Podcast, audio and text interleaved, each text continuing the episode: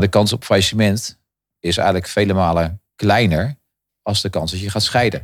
Bye bye baas, de podcast. Dus je moet ook heel erg oppassen dat je jezelf niet laat meetrekken in iets wat, waar je eigenlijk ook aan kapot kan gaan. Bye bye baas, de podcast. Voor de ondernemer van morgen. Sterker nog, ik ben zo arrogant om te zeggen dat ik zeg van oké prima. 2020, 2021, dat wordt het waarschijnlijk niet. Maar de jaren daarna ga ik eigenlijk die twee jaar ga ik echt wel inhalen. Bye bye baas, de podcast. Met Sebastian Gerkens en Anton van Lieshout. Welkom bij deze nieuwe aflevering van Bye Bye Baas. Mijn naam is Sebastian. En ik ben Anton. En Anton, ik heb een vraag eh, aan jou. Hoe goed ben jij op de lange latten? Nee, niet zo goed. Dat moet ik je wel bekennen. Ik bedoel, je kunt mij wel naar boven sturen met de skilift. Maar of ik heel beneden kom, dat is de vraag. Overigens vind ik wintersport wel heel erg leuk. En dat is ook meteen de reden waarom we deze gast hebben vandaag. Want Wim de Zwart, die is naast dat hij echtscheidingsadviseur is... ook uh, oprichter van Dutch Week. En uh, zij organiseren wintersporttrips. Nou, alles erover zometeen. Maar eerst Wim, welkom. Dankjewel. In onze podcaststudio van Bye Bye Baas. Wat is ondernemen voor jou, Wim? Ja, ondernemen is eigenlijk gewoon uh, dingen doen die ik leuk vind. Eigenlijk mijn hart volgen, mijn passie volgen. En ja, dat vind ik eigenlijk gewoon wel leuk om te mogen doen. Ja. Toen jij hier binnenkwam vandaag in onze studio hadden we al even een voorgesprek over jouw reis door het ondernemerschap heen. Ja. Um, de korte versie daarvan, vertel. Ja, oh ja, dat is ook ooit belangrijk. Nou, korte versie, eigenlijk komt erop neer van, uh, ik heb altijd loondienst gewerkt. En uh, ik weet van mezelf dat ik een bouwer ben. En ik heb dus eigenlijk al de loondienst altijd in een bepaalde rol gezeten dat ik dingen mocht gaan bouwen. Eigenlijk vanuit een bepaalde, ja, vanuit een nul naar, naar iets. En eigenlijk in de tijd van de kredietcrisis in 2008 kreeg ik de vraag van uh, voormalig werkgever, joh, is leuk, maar bij mij gaat het niet zo goed. Wil jij een tak overnemen van mij wat niet zo heel erg goed gaat? En uh, toen heb ik daar ja tegen gezegd. En toen ben ik eigenlijk echt gaan doen wat ik wilde, is gaan, uh, gaan ondernemen. En nu zou ik niet anders meer willen. Met uh, de kennis die je nu hebt, zou je eerder zijn begonnen met ondernemen? Sterker nog, ik kom van oudsher uit de, uit de. En mijn broer die is eigenlijk vorig jaar gaan ondernemen. En wij hebben al tegen elkaar gezegd, want hij is net zo figuur als ik. Van joh, toen wij eigenlijk klaar waren met studie. Toen hadden we eigenlijk moeten gaan ondernemen. Dan waren we nu misschien wel klaar geweest. Maar dat hebben we nooit gedaan. Weet je, maar is allemaal achteraf. Ja, maar nu zou ik niet zo snel meer terug willen naar een loondienstsituatie. Nee. Maar klaar, uh, je bent als ondernemer nooit klaar, toch? Nee, nee, nee, nee. Sterker nog, ik heb vroeg in de pensioenwereld gezeten. En uh, ik word 54 dadelijk. En als je zegt van, nou weet je wat Wim, ik heb ook een pensioenregeling dat ik eigenlijk bij mijn zesde mocht stoppen. Als ik over zes jaar had moeten stoppen, dan dat was niet goed geweest. Nee, nee. Hey, nu Wim, uh, je bent een van de weinige echtscheidingsadviseurs van Nederland. Hoe komt het dat er zo weinig zijn? Uh, er zijn er wel meer, maar echt met een specialisatie op ondernemersgebied zijn er niet zo heel erg veel. Dat klopt. Ja. En ik ben een financial, dat is geen advocaat. En uh, ja, het is best wel een lastige materie. En uh, het is ook een lastige studie. En ja, het, weet je, het is niet zo voor iedereen die zegt van nou weet je wat, ik ga scheidingen doen. Want het is ook al een vak waarbij je elke dag te maken hebt met veel emotie, hè? de ellende van een ander. En iedereen binnenstapt, die legt eigenlijk alle ellende op jouw bordje gewoon neer. Dus je moet ook al voor jezelf weten dingen buiten de deur te houden. Als je alles mee gaat nemen, uh, elke dag de verhalen die je hoort, dan slaap je niet zo heel erg goed meer, kan ik je vertellen. Kun je dat ja. goed voor je afzetten, ja? Ja, heb ik wel geleerd. Begin, ik, ik ben ook wel iemand die uh, dingen snel persoonlijk maakt. En uh, dus in het begin trok ik mezelf heel veel dingen gewoon aan. Je hoort echt bizarre verhalen. En dat heb ik wel van mezelf weten leren af te zetten eigenlijk. Ja. Ja. Nu ben je gaan ondernemen omdat je de vrijheid wilde van ja. het ondernemen. Ja. Um, scheidingen regelen is ook mensen weer hun vrijheid teruggeven, zou je kunnen zeggen misschien. Ja. Als iemand nu zit te luisteren naar deze podcast en die denkt van nou, ik ga morgen met mijn onderneming beginnen, of dat nou solo is of met, met personeel natuurlijk op termijn. Um, wat voor uh, hobbelingen, uh, hobbels op de weg komt iemand tegen, denk jij? Uh, moeilijkheid zo vaak bij ondernemen van nee. Ik heb op het mooiste voorbeeld, stel voor dat je heel, heel goed kan schilderen. En je zegt van nou weet je wat, is leuk, maar hè, dat ga ik morgen mezelf doen. Een goede schilder is morgen geen goede ondernemer. En dat is wel iets wat je van jezelf denk ik heel goed moet, uh, moet weten. Hè, wie ben je, hè, wat kan je? Maar weet ook van jezelf vooral wat je, wat je, wat je niet leuk vindt. En, en gaat dat vooral ook niet doen. En bij ondernemen is niet alleen maar dat je zegt van nou weet je wat, ik begin morgens om negen uur ik ga om vijf uur naar huis. Want je bent eigenlijk daar 24 uur per dag wel mee, uh, mee bezig. En ik, het allerbelangrijkste is als je gaat ondernemen, maak een plan. En maak gewoon een plan op een gegeven moment van, joh, hè, waar wil je heen? En als je een plan hebt, maak je dat voor een jaar of voor twee jaar. Maar kijk ook gewoon na een jaar naar de plan. Wat heb ik gehaald? En waar ga je plannen bijstellen? Dat is, ik wel heel, dat is voor mij heel belangrijk om dat, uh, om dat gewoon te doen. Dus je geeft eh, hier eigenlijk aan dat je ook veel terugkijkt naar hoe de afgelopen periode is gegaan. Zeker. En eh, ik ben natuurlijk ook zelf financial. En dat, dat vind ik ook wel gewoon fijn. Zeker nu met de coronacrisis. En met dus week hebben wij best wel gewoon een klap gehad. Wij mochten begin maart mochten wij eh, in 2020 eigenlijk vier evenementen gaan, eh, gaan cancelen. En dan ben je heel blij dat je verstand hebt van cijfers. En ik maak nog steeds ook gewoon altijd mijn begrotingen. En dat doe ik privé ook. Dat is heel gek, maar dat vind ik gewoon een soort hobby. Vinger aan de pols houden. Ja, absoluut. Ja. Maar dat geeft ook wel een bepaalde rust. En eh, ook wel een bepaalde veiligheid. En als ik dat niet zou hebben, zou ik me echt stuurloos voelen. En dat is niet, eh, niet hetgeen wat, eh, wat mij als ondernemer dan eh, gelukkig maakt. Laten we nog even terugstappen naar het begin. Want enerzijds zit je in de echtscheidingenwereld. Ja. Anderzijds zit je in de wereld van sneeuw. Ja, Om het zo maar even kort samen te vatten. Ehm, wat is de parallel tussen die twee? ja het is eigenlijk, het, mensen begrijpen het heel niet. Hè. Ze zeggen, ja, weet je, feestjes geven is eigenlijk veel leuker. Ja, dan, zeker in de sneeuw, je mag buiten zijn, je hebt alleen maar leuke mensen. Dat is ook gewoon zo. Maar aan de andere kant met scheiden, op een gegeven moment heb ik ook te maken met mensen. En met allebei. En zeker in de scheidingswereld, als je twee mensen helpt, ja, dan moet je eigenlijk mensen gaan begeleiden in het onderhandelen. Hè. Ze moeten samen tot een bepaalde afspraak komen, hoe zij uit elkaar kunnen gaan. Maar dat heb ik ook in de, ook in de windsportwereld. En want daar, hè, wij worden gevraagd door skigebieden. Dus ik moet gaan onderhandelen met de VVV. Maar ik moet ook gaan onderhandelen eigenlijk weer met eh, lokale horeca. Nou, en, en zeker in skidorpen zie je heel vaak dat een aantal families het daarvoor te zeggen hebben. Ja, die hebben vaak een belang in de VVV. Maar ook een hotel. En die hebben horeca. Dus ja, het, leukste tussen die twee is eigenlijk dat je altijd met mensen moet werken. Dat je daarbinnen ook eigenlijk heel veel dingen moet, eh, moet onderhandelen. Ik hoor je ook heel vaak eh, nu eh, het woord mensen hoor ik veel vallen. Ja. Je hebt een achtergrond in financial, geef je aan. Ja. Hoe combineert zich dat dan? ja, ik, ik vind mensen gewoon interessant. En dat, dat klinkt heel gek. Dat heb ik ook bijvoorbeeld in de scheidingswereld. En als mensen aan twee tafel en bij aan tafel zitten, dan begin ik heel vaak met hun eigen ik. Weet je, als je alle, elke dag wakker wordt en je moet dingen doen omdat je ze moet, ja, voor mij lek je dan energie. Als je dingen mag doen omdat je ze leuk vindt en dat jij jij mag zijn, ja, dat vind ik echt heel erg leuk om dat eh, te doen. Dat is ook een beetje mijn drijfveer. Wie is Wim dan? Ja, Wim is eigenlijk eh 53. Wim is eigenlijk gewoon papa. Wim is opa. En Wim heeft ook de eigen levenservaring wel geleerd, zeg maar. Waarom? Ik heb een tijd gehad dat ik dus geen eigen ik had, zeg maar. Dat ik, heel, dat ik alles deed voor de buitenwereld. Nou, dan word je heel hard wakker in je leven. En dan realiseer je jezelf en je zegt van ja, is leuk, maar wat doe ik nou eigenlijk? En toen ben ik eigenlijk gaan doen wat ik leuk vind en mijn hart volgen. Wat ik je hoor zeggen is, is dat het heel belangrijk is als ondernemer om te weten wie je bent. Zeker weten, ja. Ja, zeker weten, ja. En ook, uit de rollen die ik heb gehad in loondienst. We hebben altijd gewoon... eh, ja, maak een, laat, het, laat je jezelf onderzoeken. Hè. Je hebt heel veel mooie disken en zo. die kan je gewoon maken. Er komt een bepaald profiel uit. En dat is gewoon fijn om te weten wie je, wie je gewoon bent. Zou dat een tip kunnen zijn voor ondernemers in spe? Van ga eerst zo'n persoonlijkheidstest doen voordat je überhaupt aan het ondernemerschap begint? Ja, ik denk dat je je kan helpen. En niet alleen om te weten wie je, wie je bent, zeg maar. Hè, maar over, en wat je, wat je sterkte kant en sterke kant is. Maar ook om te weten wat, is- wat is eigenlijk de kant die niet zo goed is. Ja. En als je dat weet, ook helemaal niet erg. Je hebt daar bijvoorbeeld een netwerk in. Ja, dan kan je ook daar weer mensen aan koppelen die jou kunnen helpen. Waardoor je morgen meer tijd hebt om je meer te gericht op dingen die je gewoon leuk vindt. Ben jij een strenge onderhandelaar? Wel rechtvaardig. Streng maar rechtvaardig. Ja. Want onderhandelen is natuurlijk iets, als ik je verhaal zo proef, wat onmisbaar is bij het ondernemerschap. Zeker, ja, dat, absoluut. Ja. Als je daar dus niet goed in bent, dan eh, kan je het vergeten. Nou, dat, dat zeg ik niet. Nee, maar onderhandelen hoort er wel gewoon bij. Ja. Je- Ik vind dat, ik vind dat wel met, met, als je gaat kijken naar bijvoorbeeld de kosten. Kijk, iedereen mag geld verdienen. Dat is ook een beetje het spel wat je speelt, toch? Waar is het meeste geld in te verdienen? Echtscheidingen of wintersportfeesten? Nou, in, in deze tijd feesten niet zo heel goed eh, voor te verdienen. Maar de scheidingswereld, dat is hetzelfde verhaal. Als je bij ons gaat kijken naar de tarieven. Ja, ik heb een kantoor in Rotterdam en in Amsterdam. In Amsterdam moet ik een heel hoog, eh, veel hoger uurtarief rekenen dan in Rotterdam. Het heeft ook te maken met geloofwaardigheid. In Amsterdam, als ik met, werk met advocatenkantoren, die, rekenen boven de 300 euro ex-BTW qua tarieven. Nou, zit ik dan op 2,25. Maar weet je, ik doe heel vaak als ik iemand denk van ja, weet je wat, ik ken jou bij wijze van spreken. Ja, reken ik 175. Ja, dat horen ze nu, hè, deze podcast. Dat, Dat is wel ook. gevaarlijk. Nee, dat is helemaal niet gevaarlijk. Nee. Want dat zou ik ook gewoon aan tafel gewoon zeggen. Ja. Ja.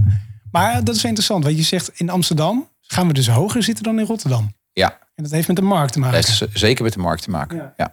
Ja. En is dat ook iets eh, waarop je zeg maar eh, aan de wintersportkant opereert? Is dat ook weer heel erg specifiek van welk gebied, met welk gebied je zaken doet? Dat, dat zien we zeker, omdat VVV's die, die, die vragen ons om, eh, om een evenement te komen organiseren. En ehm skigebieden betalen ons dus ook eigenlijk om, om eh, daar naartoe te gaan. Hoe, hoe is dat nou zo eh, gegaan? De, want je, en ik kijk nu naar je en je, je, je lippen krullen omhoog als ik dit vraag. Dus je wil heel graag vertellen hoe Dutch Week is ontstaan. Dat is een heel leuk verhaal. Dat is een heel leuk verhaal.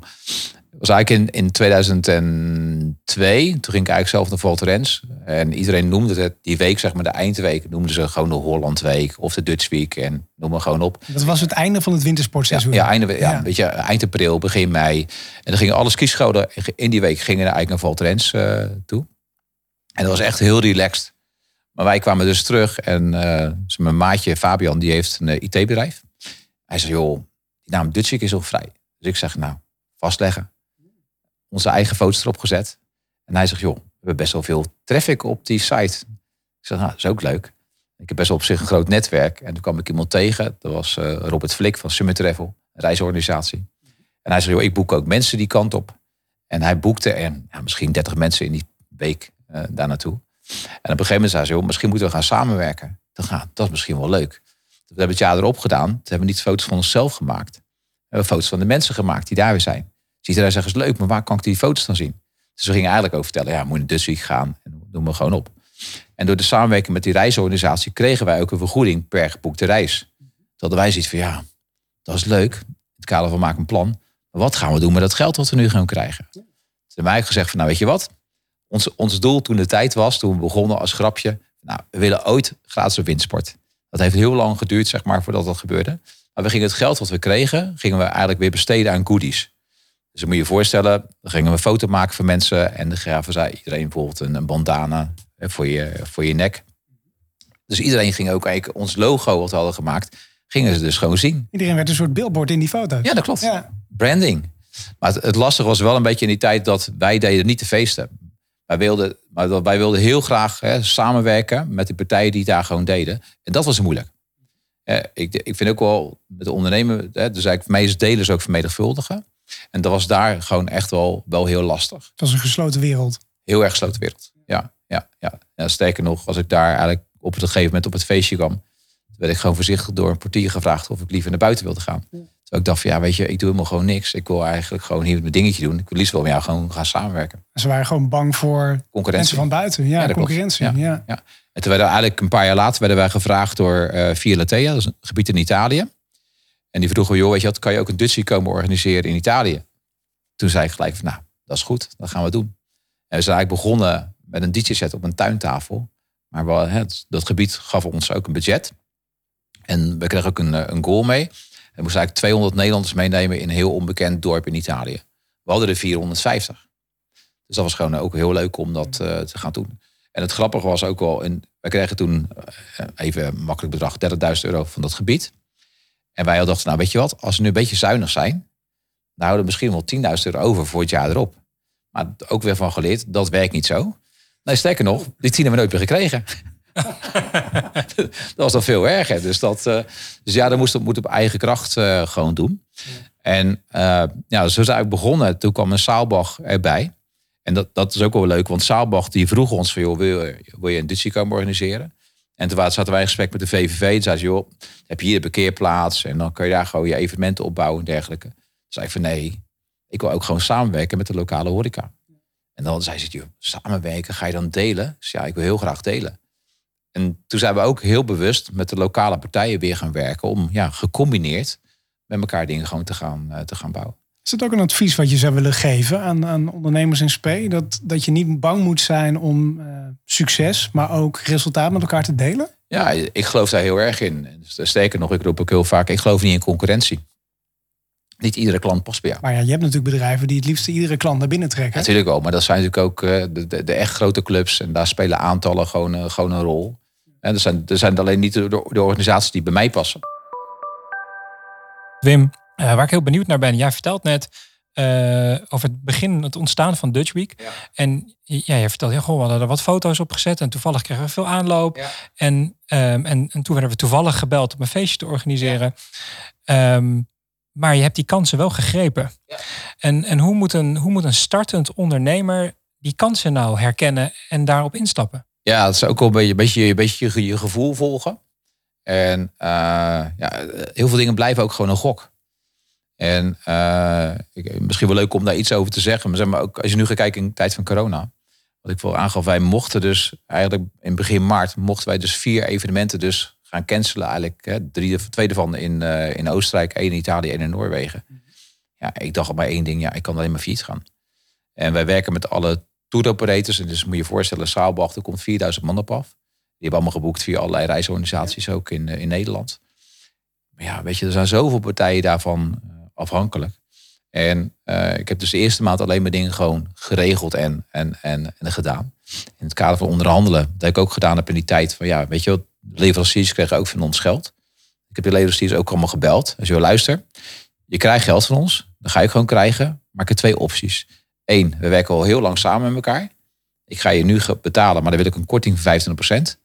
Of ik ga je ook betalen, maar dan ga ik eigenlijk misschien wel een anderhalf jaar tijd je, je betalen. En betaal je het volledige bedrag. Ja, ja. ja. En eigenlijk 9 van de 10 hebben we gekozen voor de eerste optie. Waarom? Zij zagen ook al in van ja, weet je, ik kan nu heel star zijn.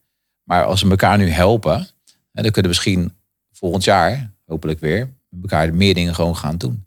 En dat was eigenlijk één traject. Dat hebben we eerst afgewikkeld en daarna zijn we gaan nadenken. Ja, maar door deze crisis in elke crisis gaan dingen veranderen. En natuurlijk willen allemaal we gewoon terug naar het, naar, naar het oude wereld, zeg maar. Ook. Maar ik geloof niet dat het op die manier terug gaat komen. Dus we hebben ook gezegd, oké, maar prima. Wat, wat, wat kunnen we eigenlijk nog meer gaan doen met, het, met de huidige evenementen? En we hebben eigenlijk nu drie nieuwe concepten ontwikkeld. En wij komen bijvoorbeeld met Dutch Week Outdoor. En Dutch Week Outdoor, dat betekent eigenlijk uh, dat mensen ook in de zomermaanden naar Oostenrijk kunnen gaan. Gecombineerd met wat nu eigenlijk helemaal in is, is eigenlijk gewoon gezondheid en sporten. En bijvoorbeeld Zelmerzee, kunnen mensen s'morgens op de gletsjer gaan skiën, kunnen gaan suppen, die kunnen yoga gaan volgen in een kasteel, die kunnen bodypump zeg maar boven op een berg gaan doen. En er komen ook al feesten mee, maar heel cozy. En we gingen dat ook presenteren aan de skigebieden. En alle drie de skigebieden, die hebben daarop ingetekend. En wij geloven daarin. En de skigebieden ook. Maar ja, ik moet een begroting gaan maken. Ja, komen er 100, komen er 200, komen er 4000? Ik weet het niet. Maar ja, je gaat weer je gevoel volgen.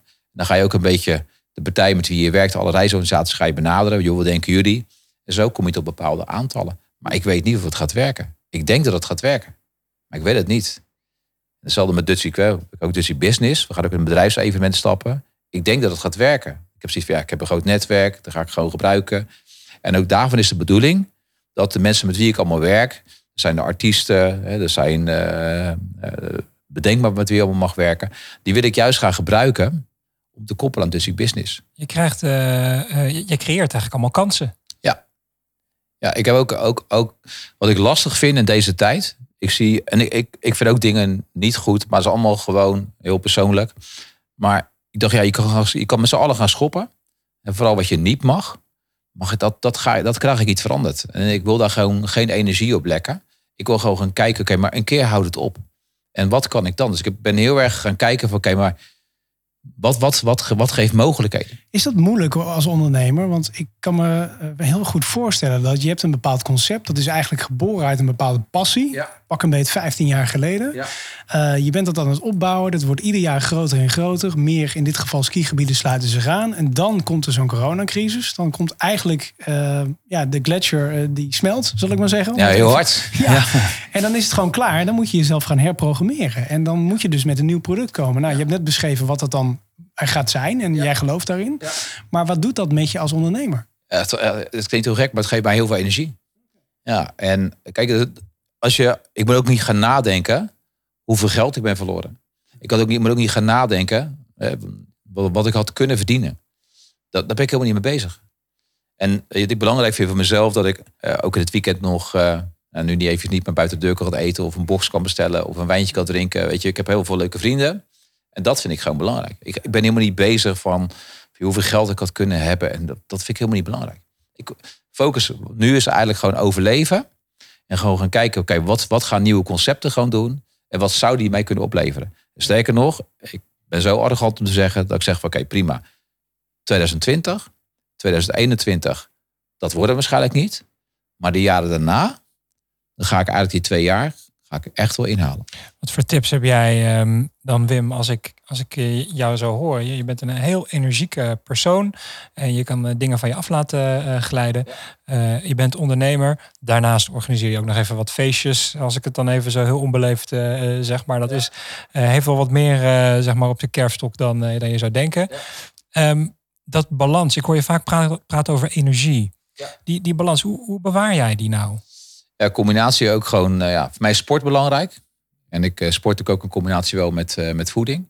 Dus ik pak wel op dat punt mijn, pand, eh, eh, mijn, rust. Maar wat ook wel belangrijk als je gaat kijken naar tijdens een evenement. Verleiding is natuurlijk een heel gevaarlijk iets. Kijk, als je een evenement draait. Ik heb alleen maar leuke en gezellige mensen om me heen dribbelen. En eh, die drinken ook een biertje en een wijntje. Als je veel mensen kent. Nou, ik ga niet optellen hoeveel glazen ik op een dag krijg. Maar diezelfde glazen die ik krijg, die zet ik ook allemaal gewoon weg. Dus je moet ook heel erg oppassen dat je jezelf niet laat meetrekken in iets wat, waar je eigenlijk ook aan kapot kan gaan. Ja. Maar dat is een hele belangrijke tip, zeker voor toekomstige ondernemers. Want kijk, je hebt natuurlijk wat levenservaring nu opgebouwd. Dat is voordeel van oud zijn. Dat zijn jouw woorden. Maar stel je bent in de twintig inderdaad. En je, je bent toevallig ondernemer van bijvoorbeeld Dutch Week. Ja. En, en, en drank is om de hoek en het is gezellig en zo. En, en voor je het weet, dan inderdaad eh, zuip je de hele winst er doorheen. Ja, dat, dat, en dat heeft ook te maken met geloofwaardigheid. En op het moment dat, dat, dat, dat je daarin meegaat. weet Je, eh, zeg ook, tuurlijk, we hebben ook natuurlijk bepaalde horeca met wie we werken. En als ze gewoon zien dat je eigenlijk zelf alleen maar staat mee te feesten, ja, dan- dan verlies je ook je geloofwaardigheid. En ik vind het heel belangrijk om altijd daar gewoon heel straight in te zijn. Dus di- discipline is belangrijk voor een ondernemer. Discipline is echt heel belangrijk. Ja. Dus discipline is een beetje wie jij bent ook. Ik hoor je heel veel praten over relaties. eh, in de zin van, je hebt goed contact met, met heel veel mensen met wie je werkt. Ja, netwerk. ja. Ehm, Je netwerk is heel belangrijk. Nu is netwerk iets wat natuurlijk eh, in het handboekje staat van een ondernemer, zou je kunnen zeggen. Maar ehm, als ik een startende ondernemer ben, wat voor tips eh, zou je dan nog mee kunnen geven om zo'n netwerk te gaan opbouwen, maar vooral ook om het te onderhouden? Het, het laatste is echt heel belangrijk. Het, het onderhouden van je, van je netwerk. En eh, dat is. Je hebt, allerlei netwerkbijeenkomsten. En je hebt ook altijd gewoon mensen op een gegeven moment... die, die, die geven je een hand en een visitekaartje. Dat werkt niet. Althans, voor mij werkt dat niet. Het netwerken waar ik gewoon zit... zijn allemaal weer even weer de mensenmens. Eh, Dus die, die, die, die doen hun eigen... Die vertellen meer wie ze zijn. En daarnaast dan bouw je, krijg je een soort vertrouwensband mee. En daarnaast doen ze iets. Dus eerst leer je die mens kennen. En daarnaast doet die ondernemer gewoon iets.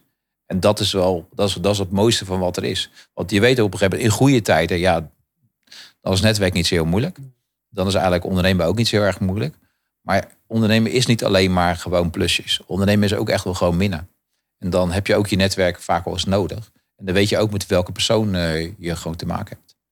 En je netwerk onderhouden is gewoon, kom ook je afspraken gewoon na. En als je iets niet kan, zeg ook gewoon dat je dingen gewoon niet kan. Dus wees gewoon ook gewoon daarin heel eerlijk. Zijn er mensen geweest in jouw netwerk die eh, niet die afspraken tegenkwamen? dat je, dat je, die je echt eh, misschien wel pijn hebben gedaan? Eh, ja, zat. Maar ik, ik wil daar ook geen energie aan verliezen. Ik, ik accepteer dan zeg maar wat, hetgeen wat me overkomt. En ik accepteer ook gewoon, eh, gewoon mijn verlies. En dan, eh, dan, dan ben ik ook gewoon klaar ermee. Ja, dan, dan kan ik ook iemand heel snel vergeten. En natuurlijk, weet je, daar leer je ook weer van. En, maar dat is, dat is ook het leven. Nou ja, een, wijze les dan eh, voor een ondernemer, of een beginnend ondernemer, is ook dus pak je verlies. Ja, zeker pak je verlies. Je, je, je moet je niet richten op dingen die je niet kan veranderen. Als die persoon niet bij je past, dan heeft je pijn gedaan. Het, pijn is niet fijn. Eh, Ik heb een heel mooi voorbeeld. Ik heb pas met iemand helaas voor de eerste levensdagen een rechtszaak moeten voeren. En dat was mij gewoon een principe kwestie. En dan, ja, dan verlies je wel eigenlijk gewoon aan allerlei advocaatkosten. Maar ik wist dat ik op dat moment gewoon mijn gelijk staat. En dan ga ik niet, niet zeg maar, dan wil ik niet strijden voor mijn gelijk, want dat, dat vind ik gewoon onzin. Maar daarna heb ik gewoon geleerd op een gegeven moment dat ik mijn denklijn, dat die ook is bevestigd door de rechtbank. Dus dat betekent meer dat ik daarvan wilde leren. Oké, maar prima, maar volgend jaar moet ik weer evenementen gaan doen. En wat betekent dit incident nou voor mijn toekomstige evenementen? Dus dan ben ik er niet ingezet om die, met die persoon aan de slag te gaan. Maar meer om te gaan leren, oké, maar wat, wat vindt de rechtbank nu in zo'n specifieke situatie? Wat ik kan gaan gebruiken eigenlijk voor mijn toekomstig. Want wie weet moet ik wel dingen veranderen binnen mijn eigen concepten. Een soort leergeld. Ja, Ja. mijn leergeld. Maar hoe, hoe, eh, hoe is dat nou met leren als ondernemer? Moet je, moet je blijven leren? Ja, je moet blijven leren. En hoe Ja. doe je dat dan? Door, ook door dingen te ervaren, dingen te laten gebeuren, maar ook soms bij dingen gewoon stil te staan. Reflecteren. Ja, Ja. Ga, maar gewoon- ga maar eens gewoon zitten. Hoe doe je dat? Pak je een pen en papier? Of, eh, Ja, voor mij is eigenlijk het- het begroten heel erg belangrijk. Eh, wat ik belangrijk vind, is ook om, om hè, als je met, je met je netwerk ook, dat je daarmee geklankt wordt. En, je, en dat is zeker in, in Oostenrijk. Daar is eigenlijk, als ik daar in de zomer ben om dingen voor te bespreken voor de winter. Dan gaan we op woensdagmorgen bijvoorbeeld zitten. Maar op dinsdagavond kom ik ze vaak genoeg tegen op terras en dan drinken we een biertje. En dan hebben we het niet over het werk, maar dan gaan we gewoon zeggen hoe dingen gaan in het leven, hoe gaat het met jou. Dus heb je gewoon een leuk, leuk kletspraatje. En de dag daarna ga je eigenlijk gewoon eh, zakelijk zitten met elkaar. Werk jij met mensen waar je geen klik mee hebt? Nou, dat is niet meer waar. Dat kan niet. Hè. Je hebt altijd mensen met wie je eigenlijk gewoon geen klik hebt. Maar ik ga wel kijken of ik daar iets mee kan binnen mijn team. En over levenslessen gesproken. Als je terugkijkt naar het eerste jaar bijvoorbeeld als echtscheidingsadviseur of het eerste jaar met Dutch Week. Wat is een echte valkuil waar jij ooit bent ingetrapt als ondernemer? De echte valkuil is dat ik ook wel soms dacht van, nou ja, het gaat gewoon goed. Maar dan ging het niet altijd even goed. En had je Ja. niet het overzicht? Of, eh, Nou, overzicht. Hè, ook te, te, veel, eh, te veel willen doen. En eh, mijn denktempo, dat, dat gaat vaak drie stappen vooruit. Terwijl ik eigenlijk gewoon hier nog ben. Maar dat verwacht ik ook soms van die ander. En dat is wel een hele duidelijke valkuil. Als die ander al, al, al 80% van het doet wat jij eh, verwacht van, eh, van die persoon. Dan heb je eigenlijk al de juiste persoon tegenover je. En, en hoe ga je daar daarmee om terwijl je tegelijkertijd de relatie goed wil houden? Ga toch gewoon de mensen door bellen. Ja. Ja, als mensen een duidelijk verhaal hebben, dat kan. Ja, dan maak je de afspraak over. maar escaleert dat nooit? Jawel. Ja? Ja, het zijn ook mensen die, die, die, helaas naar een kassenbureau eh moet sturen. En is dat, eh, komt het uiteindelijk goed? Of eh, wat is jouw ervaring daarmee? Nou, mijn- laatste ging niet goed. dat begrijpen we nu, ja. Ja, Ja, maar in de regel genomen komt Ja, dat... eigenlijk, eigenlijk bijna altijd. Ja. Ja. Ik moet eerlijk zeggen, op een gegeven moment ook, ook, ook zeker in de scheidingswereld. En als ik terug kijk naar de omzet die we draaien en ik zie hoe vaak mensen dan bij een inkassenbureau terechtkomen, dat is eigenlijk te verwaarlozen. Je gaf eh, eh, eerder aan, eh, als je het hebt over, over scheiden, ehm, jouw specialisatie zit hem in, ondernemers die een scheiding aangaan. Waarom is dat specifiek hetgeen wat jou zo aantrekt? Omdat de ondernemer in, in, echtscheiding is best wel gewoon punt één complex. En ik heb er ook dingen in gezien die van, ja, waarom doen zeker rechtbanken bepaalde dingetjes? Je moet ook vooral cijfers kunnen vertalen. Als jij bijvoorbeeld ondernemer bent en je gaat scheiden en je, zeg maar, je, je, je verdient evenveel geld. Dat wil niet zeggen dat, dat het geld ook daadwerkelijk gewoon binnenkomt. Dus een onderneming waarderen, ja, dat is even iets anders. Dan dat je zegt van nou weet je wat, ik heb gewoon loontjes en ik heb een spaarrekening die ik moet, moet gaan delen. En dat vind ik gewoon interessant, de complexiteit. Er komt dus zo'n scheiding bij jou eh, het kantoor binnen eh, eh, lopen en jij ontfermt je daar overheen. En ehm, daar lopen altijd twee blije partijen weer de deur uit. Dat is wel het doel. Ja, niet, niet altijd. Hoe, hoe zorg je daarvoor dat er, dat er ja, twee partijen toch nou ja, soort van blij de deur uitlopen? Eh, heel belangrijk is op de, op de rem trappen. Ja, als mensen samen binnenkomen lopen, dan willen ze liefst gisteren gescheiden zijn. Omdat ze eigenlijk allemaal willen weten van, ja, maar waar ga ik morgen wonen? Hoe ga ik morgen brood kopen? En noem maar gewoon op. Maar dat werkt niet. En scheiden is gewoon een rouwproces. Ja, dat En je- vraagt tijd. dat vraagt eh, tijd. Dat kan niet van vandaag op morgen. Nee, dat klopt. Weet je, en als de een vandaag boos is en de ander is verdrietig, zeg ik mensen uit van, joh, ga niet met elkaar praten. Want de een praat Chinees, de ander Nederlands. Ja, je, je verstaat elkaar gewoon niet. En het heeft gewoon tijd nodig. En tijd heelt alle wonden. Ik hoor je eigenlijk zeggen dat, dat de scheiding is in feite al geweest. Jij bent mensen perspectief aan het geven. Absoluut. Maar hoe haal je die emotie eruit dan? Gewoon met ze in gesprek gaan. Dat is de truc eigenlijk. Erover praten. Jazeker. Ja. ja zeker. Als je, we hebben bij een intakegesprek bij ons duurt gemiddeld twee uur. En dan gaat het misschien een kwartier over geld. En de rest gaat alleen maar over emotie. En mensen vinden het heel moeilijk om dingen tegen elkaar gewoon te zeggen. Ik vraag ook tegen mensen van, joh, ik, als mensen binnenkomen en zeg, joh, het is jullie zijn voornemens om te gaan scheiden. En dan zie je vaak van twee naar de ander gewoon wijzen. Dus dan weet ik al op een gegeven moment, ja, Wie is met het idee gekomen? Ja. ja. ja Wat betekent zo'n scheiding voor een onderneming? Vaak? Eh, dat kan eh, echt heel gevaarlijk zijn. Moet je je voorstellen, als jij ondernemer bent en je moet, eh, iemand, ja, je, moet bijvoorbeeld je onderneming delen in de, in de, in de, bij, het einde van het huwelijk. En je moet geld eruit gaan onttrekken. Dan wil het niet zomaar zeggen dat jij morgen hetzelfde salaris in jezelf kan geven. Omdat ook, ja, die liquiditeit binnen die onderneming is wel heel erg van belang. En ik heb ondernemers meegemaakt helaas. Die eigenlijk en het geld moesten onttrekken. En op een gegeven moment nog eens een keer hetzelfde inkomen moesten gaan verdienen om alimentatie te gaan betalen. Dat ging niet. Die ondernemer had 15 mannen dienst. En is wel gewoon failliet gegaan. Wim, wat zijn nou zaken Waarvan jij zegt, nou dat zijn dingen die je heel makkelijk kan regelen als je bijvoorbeeld een onderneming begint of een onderneming hebt en een relatie begint. Huwelijkse voorwaarden, dat, dat is toch iets wat je vaak gewoon ziet. En eh, ik moet eerlijk zeggen, als wij, we hebben toen ongeveer 300 scheidingszaken per jaar. En als we daarvan één ondernemer hebben of één iemand persoon hebben die eigenlijk huwelijksvoorwaarden heeft nageleefd, dan halen wij gebak. Want bijna niemand leeft huwelijksvoorwaarden gewoon na. En dan zijn ze voor ons ook bijna autisten, zeggen we altijd maar gewoon. Want, dus dan moet je eigenlijk moet je voorstellen, als het oud en nieuw zeggen, nou gelukkig nieuwjaar. En zullen we gelijk even afrekenen. maar dat gebeurt niet. Nee. En het, het, het naleven is van belang. En wat ik ook wel eens doe, is heel, vind ik ook wel leuk om te doen. Ik ga, ik ga als mensen ondernemers, die gaan dan proefscheiden. Want vroeger, tussen haakjes, maakten mensen huwelijkse voorwaarden. Die even, nou, als ik failliet ga, dan heb ik in ieder geval mijn huis en mijn spulletjes, die zijn zeker gesteld. Maar de kans op faillissement is eigenlijk vele malen kleiner als de kans dat je gaat scheiden. Dus het is ook heel erg van belang om met elkaar af te spreken. Dat is leuk, maar als we nu gaan trouwen, hoe gaan we dan uit elkaar? En dan, zeker als mensen al heel lang samen zijn. En ik heb een heel, leuk voorbeeld gewoon daarvan. En die mensen kende ik ook privé uh, gewoon goed. En die gingen heel erg voornemen te gaan trouwen. Zat bij mij aan tafel, hij heeft een heel mooi bedrijf. En op een gegeven moment ging hij dus tegen haar zeggen van ja, maar als we gaan scheiden, ga ik niet met mijn bedrijf delen. En zij precies leuk. We hebben twee kinderen. Ben ik eigenlijk best wel veel thuis gebleven. En dan krijg je in één keer een heel beladen gesprek. Je hebt eigenlijk twee gelukkige mensen die willen gaan trouwen. Ja. En dan gaan ze bonje maken aan je tafel. Om te zeggen, ja, is leuk, maar waarom niet? En het grap van dat gesprek was dat zij zei, oké, prima. Maar vanaf morgen ga je ook meer thuis zijn. Ivo, voor de kinderen zorgen. Ik ga mijn rechterstudie afmaken. Die is ook, dus zij is ook heel erg voor zichzelf opgekomen.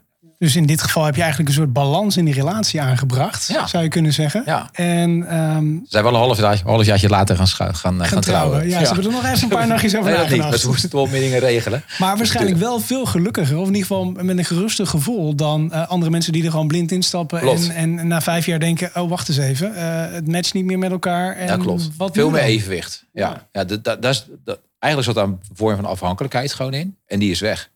Want zij heeft voor zichzelf gekozen. Hij kon lekker zijn bedrijf gewoon eh, voortzetten. Het gaf hem ook de vrijheid om binnen zijn onderneming gewoon, gewoon dingen te doen. Dus dat was voor alle partijen gewoon heel duidelijk.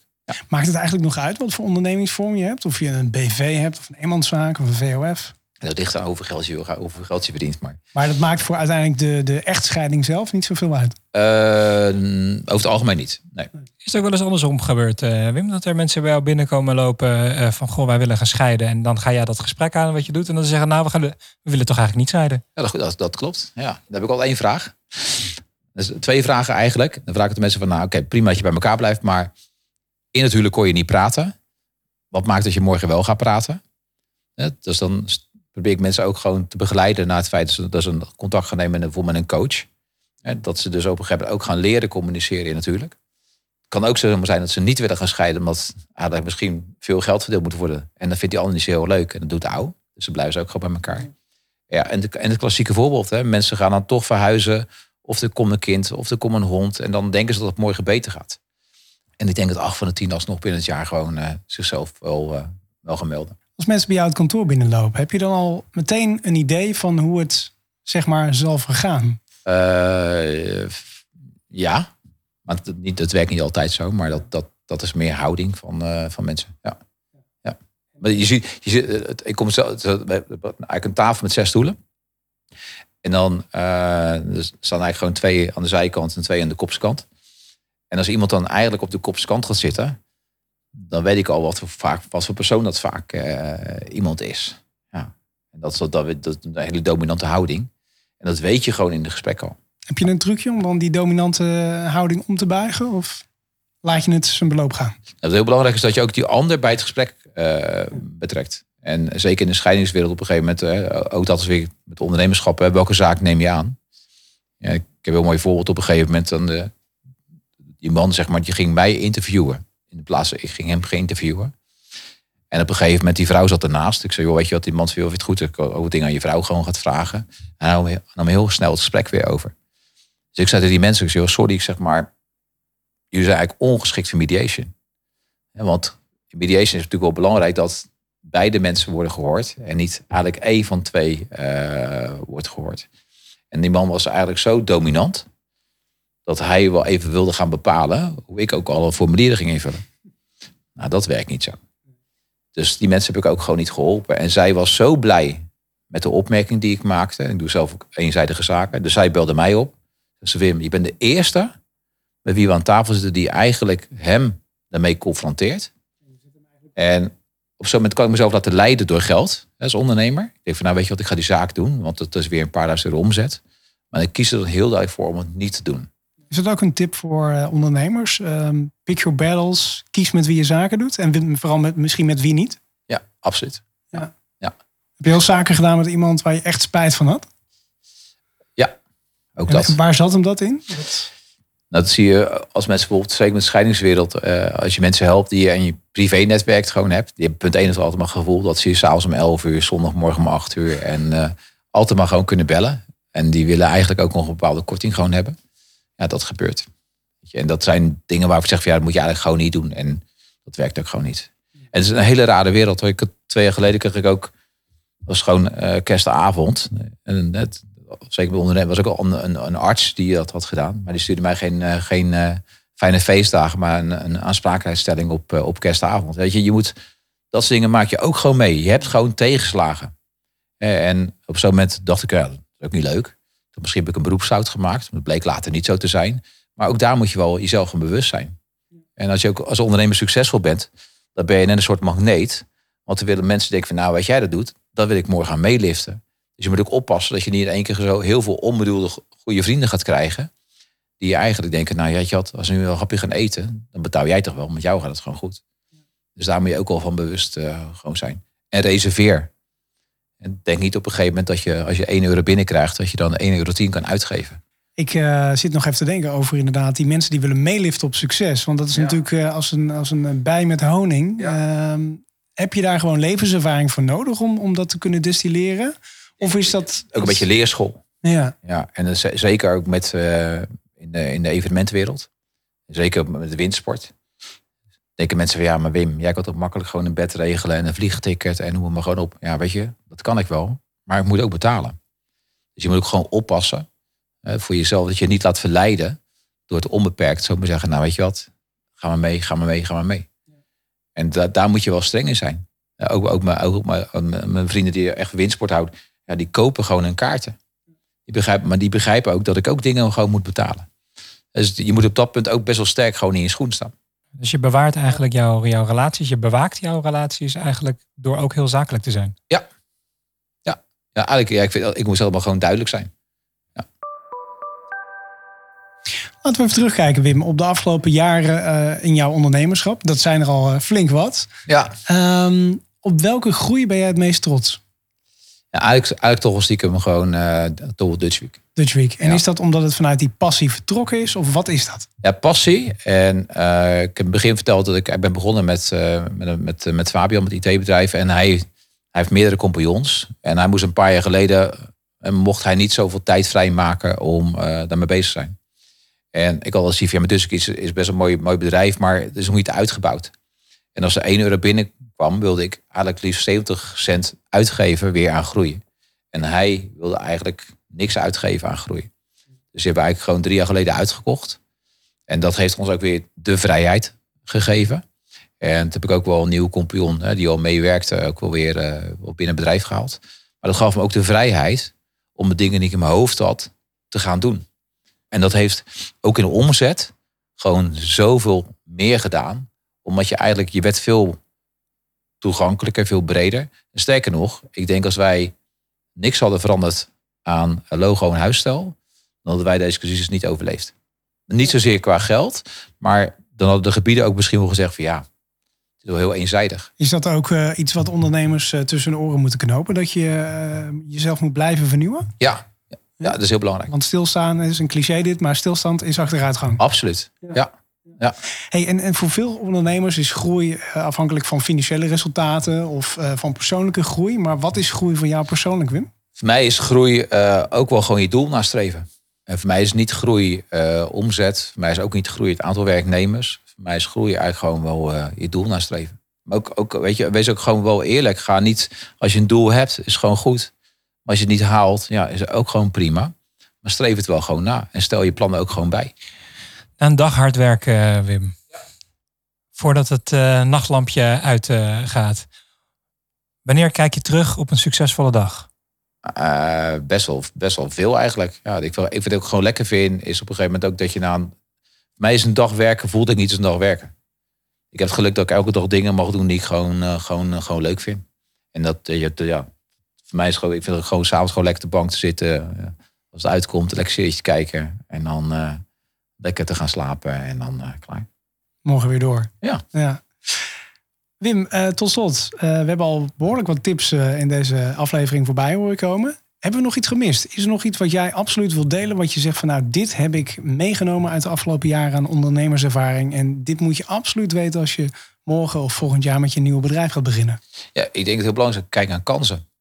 Ja, ook, in deze tijd. Ik denk dat dat. Het is allemaal niet leuk als je kijkt naar horeca. Weet je, en natuurlijk zullen bedrijven gewoon failliet gaan. Maar ja, er zullen ook weer, daar weer mensen op inspringen die misschien al om heel lang iets wilden gaan beginnen in de horeca. Dus die, die gaan daar gewoon op instappen.